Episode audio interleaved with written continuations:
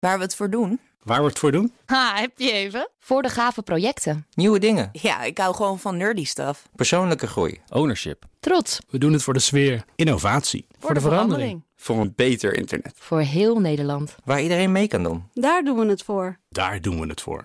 Waar doe jij het voor? Kom werken voor KPN en groei op jouw manier. Check de actuele vacatures op het gebied van data, security, development en networking op jobs.kpn.com/tech. Ik vind het interessant. Wetenschap vandaag. Klap hem gewoon door de wetenschap vandaag. Dankjewel, uh, Janat. Je hebt veel inzichten gekregen. Um, we gaan het even over sperma. Want de grootte van sperma verschilt gigantisch tussen de verschillende soorten dieren.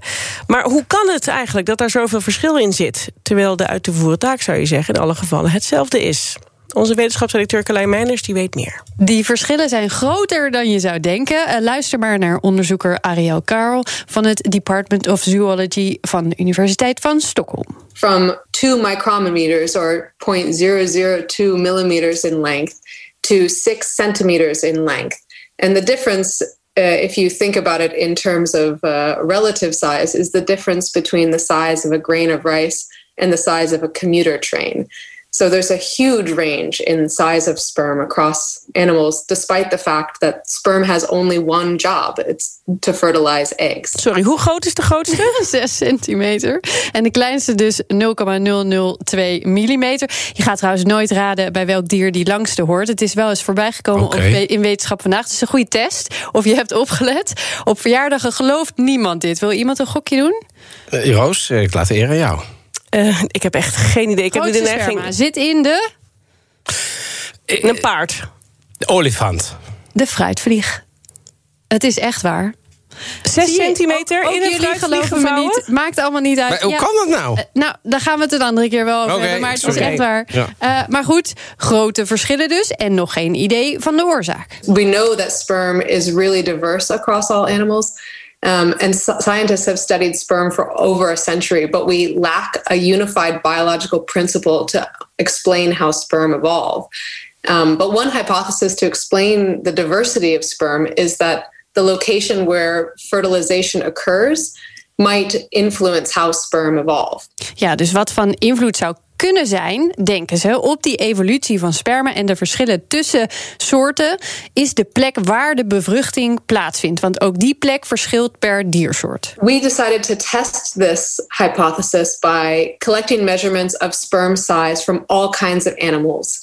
And we classified them as internal fertilizers, which are like, like mammals or like insects, external fertilizers like fish, or sperm casters, which are a lesser known fertilization mode where males release sperm into the water, which is then collected by females for internal fertilization. So sperm casters kind of are like this intermediate between internal fertilizers and external fertilizers. Ik leer altijd enorm veel tijdens dit soort uh, Ja, hè? onderwerpen.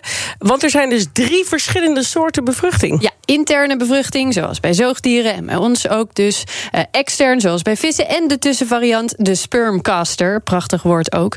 Uh, waarbij sperma door het mannetje wordt losgelaten in het water... en het vrouwtje het vervolgens opvangt om intern te bevruchten. Die kende ik dus nog niet, die laatste Nee, die variant. bestaat ook. Uh, ze be bestudeerden in totaal 3200 soorten. En toen konden ze inderdaad zien dat die plek van bevruchting een hele belangrijke rol speelt. So we found that in species where sperm are released into the water and diluted, so species like external fertilizers and sperm casters, sperm are really small. And it's likely because males have to make a lot of sperm to compensate for the fact that they get diluted in the water.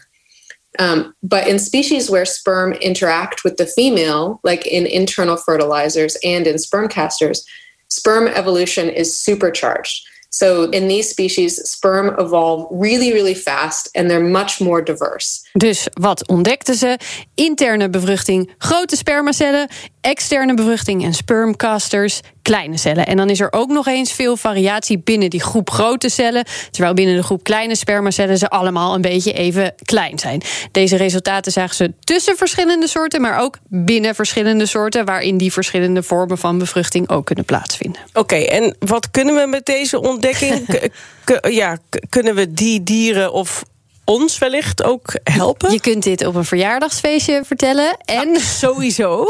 Uh, maar het was niet die direct het doel van het onderzoek. Als je bijvoorbeeld meer wil weten over gezond sperma bij de menselijke man, daar zijn weer hele andere onderzoeken naar gedaan. Maar het vertelt ons weer iets over de biologie van de voortplanting. En dat kan zeker ook belangrijk zijn als je wilt kijken hoe het voortbestaan van verschillende soorten dieren er bijvoorbeeld uit gaat zien. En dat zei Carlijn Meinders, onze wetenschapsredacteur. Wetenschap vandaag wordt mede mogelijk gemaakt door Gimmicks. Gimmicks, your trusted AI partner. Ook Hugo Reitsma vind je in de BNR-app. Superhandig die BNR-app. Je kunt alle programma's live luisteren, breaking nieuwsmeldingen. Je blijft op de hoogte van het laatste zakelijke nieuws. En je vindt er alle BNR-podcasts, waaronder natuurlijk de belangrijkste, Boeken zijn in de wijk. Download nu de gratis BNR-app en blijf scherp.